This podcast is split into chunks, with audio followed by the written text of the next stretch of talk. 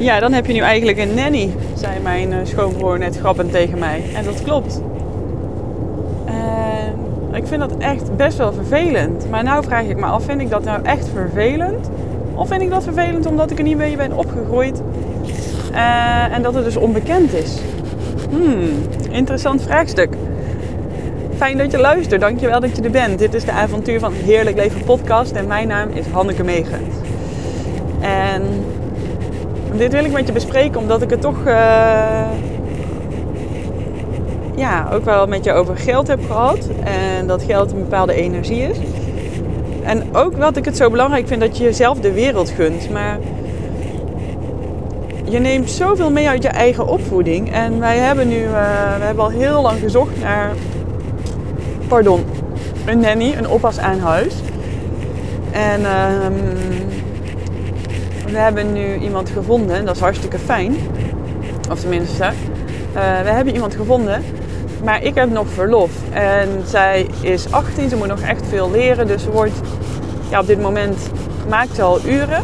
En mijn vriend zei ook, ja, als we haar nu geen uren geven, ja, dan stopt ze er natuurlijk ook weer mee. Want ja, wat op zich ook logisch is. Maar ik zit helemaal niet echt op te wachten om iemand in mijn huis te hebben als ik er zelf ook ben. Dat vind ik zelfs irritant. En uh, ja, misschien ken je ook wel, kom maar even hier, doe ik het zelf wel even sneller.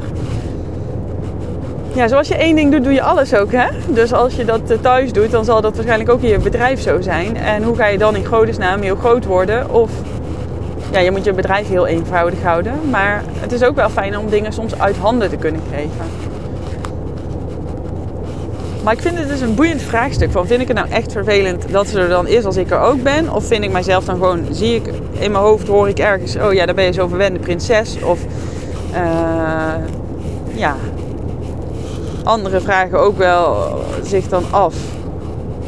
Uh, is, dat, weet je, is dat nou wel nodig? Wat doet Hanneke dan precies? Ja, ik heb verdorie nog verlof, maar ik ben al een beetje aan het werk, want ik vind het veel te leuk om ook te werken. En dat valt voor mij ook prima allemaal te combineren. Dus ja, als dat gaat, dan gaat dat. Dat is een keuze. Maar ik vind het boeiend. Ik ben ook wel nieuwsgierig hoe jij er tegenaan kijkt en wat jij hebt geregeld voor jouw kindjes. Uh, want ik vind het heerlijk om moeder te zijn. En ik vind het ook het lekkerste om drie dagen te werken. Soms een beetje om de kindjes heen te werken. En uh, daarnaast dus ook echt lekker te moederen. En wel een halve dag gewoon voor mezelf vind ik ook heel fijn. Dat ik dan wel met mijn vriend ben of met vriendinnen. Of gewoon even met een lekker modieus woord me-time. Maar ik zeg liever gewoon even alleen tijd vind ik echt ook heerlijk. Dat ik gewoon even met mezelf kan zijn. Um, maar die nanny, ja, we hebben het dus heel goed geregeld. Want zij is er nu en zij kan voor de kinderen zorgen. Maar ze ziet zelf ook geen werk. Ze moet gewoon nog echt alles leren. Heeft ze een boterham gegeten met uh, mijn oudste. En uh, kom ik terug en dan staan gewoon de bordjes daar nog met korstjes erop. En alles staat nog op tafel. Mijn god, oh, dat vind ik echt irritant. Uh, en dan zeg ik op een vriendelijke manier wel van... Hé hey Max, want hij kan ook al zelf gewoon zo'n bordje netjes opruimen. Weet je, we na het eten even de borden opruimen. En zo komt het wel goed. Maar het vraagt dus op een andere manier weer geduld van mij, merk ik. En ook een lange adem. En mag ik dan ook gewoon die uh, support ontvangen? Dat wil ik jou ook vragen. In hoeverre mag jij ook ontvangen?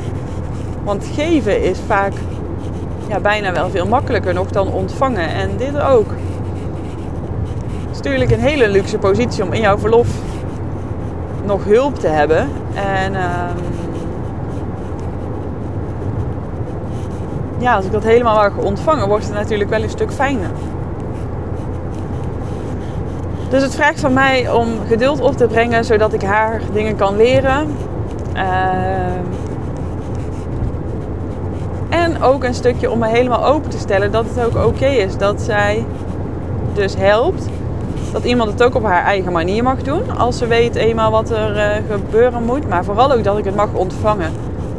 Dat ik niet een of andere dan verwende luxe poes ben die uh, maar op haar luie reet zit. Er is genoeg te doen. Ik doe ook genoeg. Maar dat vind ik wel echt iets moois om over na te denken. In hoeverre kan je ook ontvangen? En wat als iets anders is dan wat jij vroeger kende? Als jij opgegroeid bent met uh, een minder goede financiële situatie dan die jij nu hebt, mag dat dan ook zo zijn? Mag jij het ook anders doen dan anderen? Want jij bent niet zoals alle anderen. Dus mag jij ook bijvoorbeeld jouw gezinsleven inrichten zoals jij dat wil? Mag je dat doen met jouw bedrijf zoals jij dat wil? Bijvoorbeeld als je hebt ingegoten met de paplepel, je moet hard werken om veel geld te verdienen. Ja, mag jij dan ook met weinig werk veel geld verdienen? En is dat überhaupt in jouw uh, referentiekader? Is dat mogelijk? Zijn gewoon eens een aantal dingen waar ik dan zo eens over na zit te denken.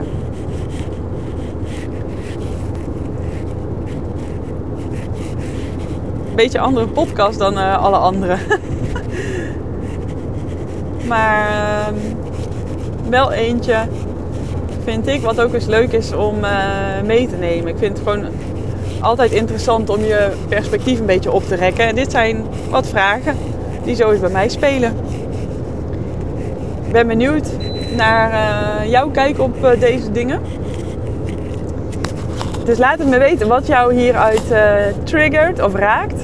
Wat je meeneemt. Stuur me even een DM via Instagram, het avontuur van heerlijk leven.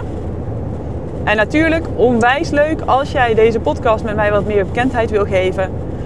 Door hem in Apple Podcasts een eh, beoordeling te geven. Want alleen als veel mensen hem volgen en beoordelingen geven, wordt die podcast ook een beetje gedeeld en gezien. Dus daar uh, zou je me groot plezier mee doen. Ik hoor graag van je. En dankjewel dat je even een kijkje wilde nemen in mijn eh, hersenen vandaag. Tot de volgende keer.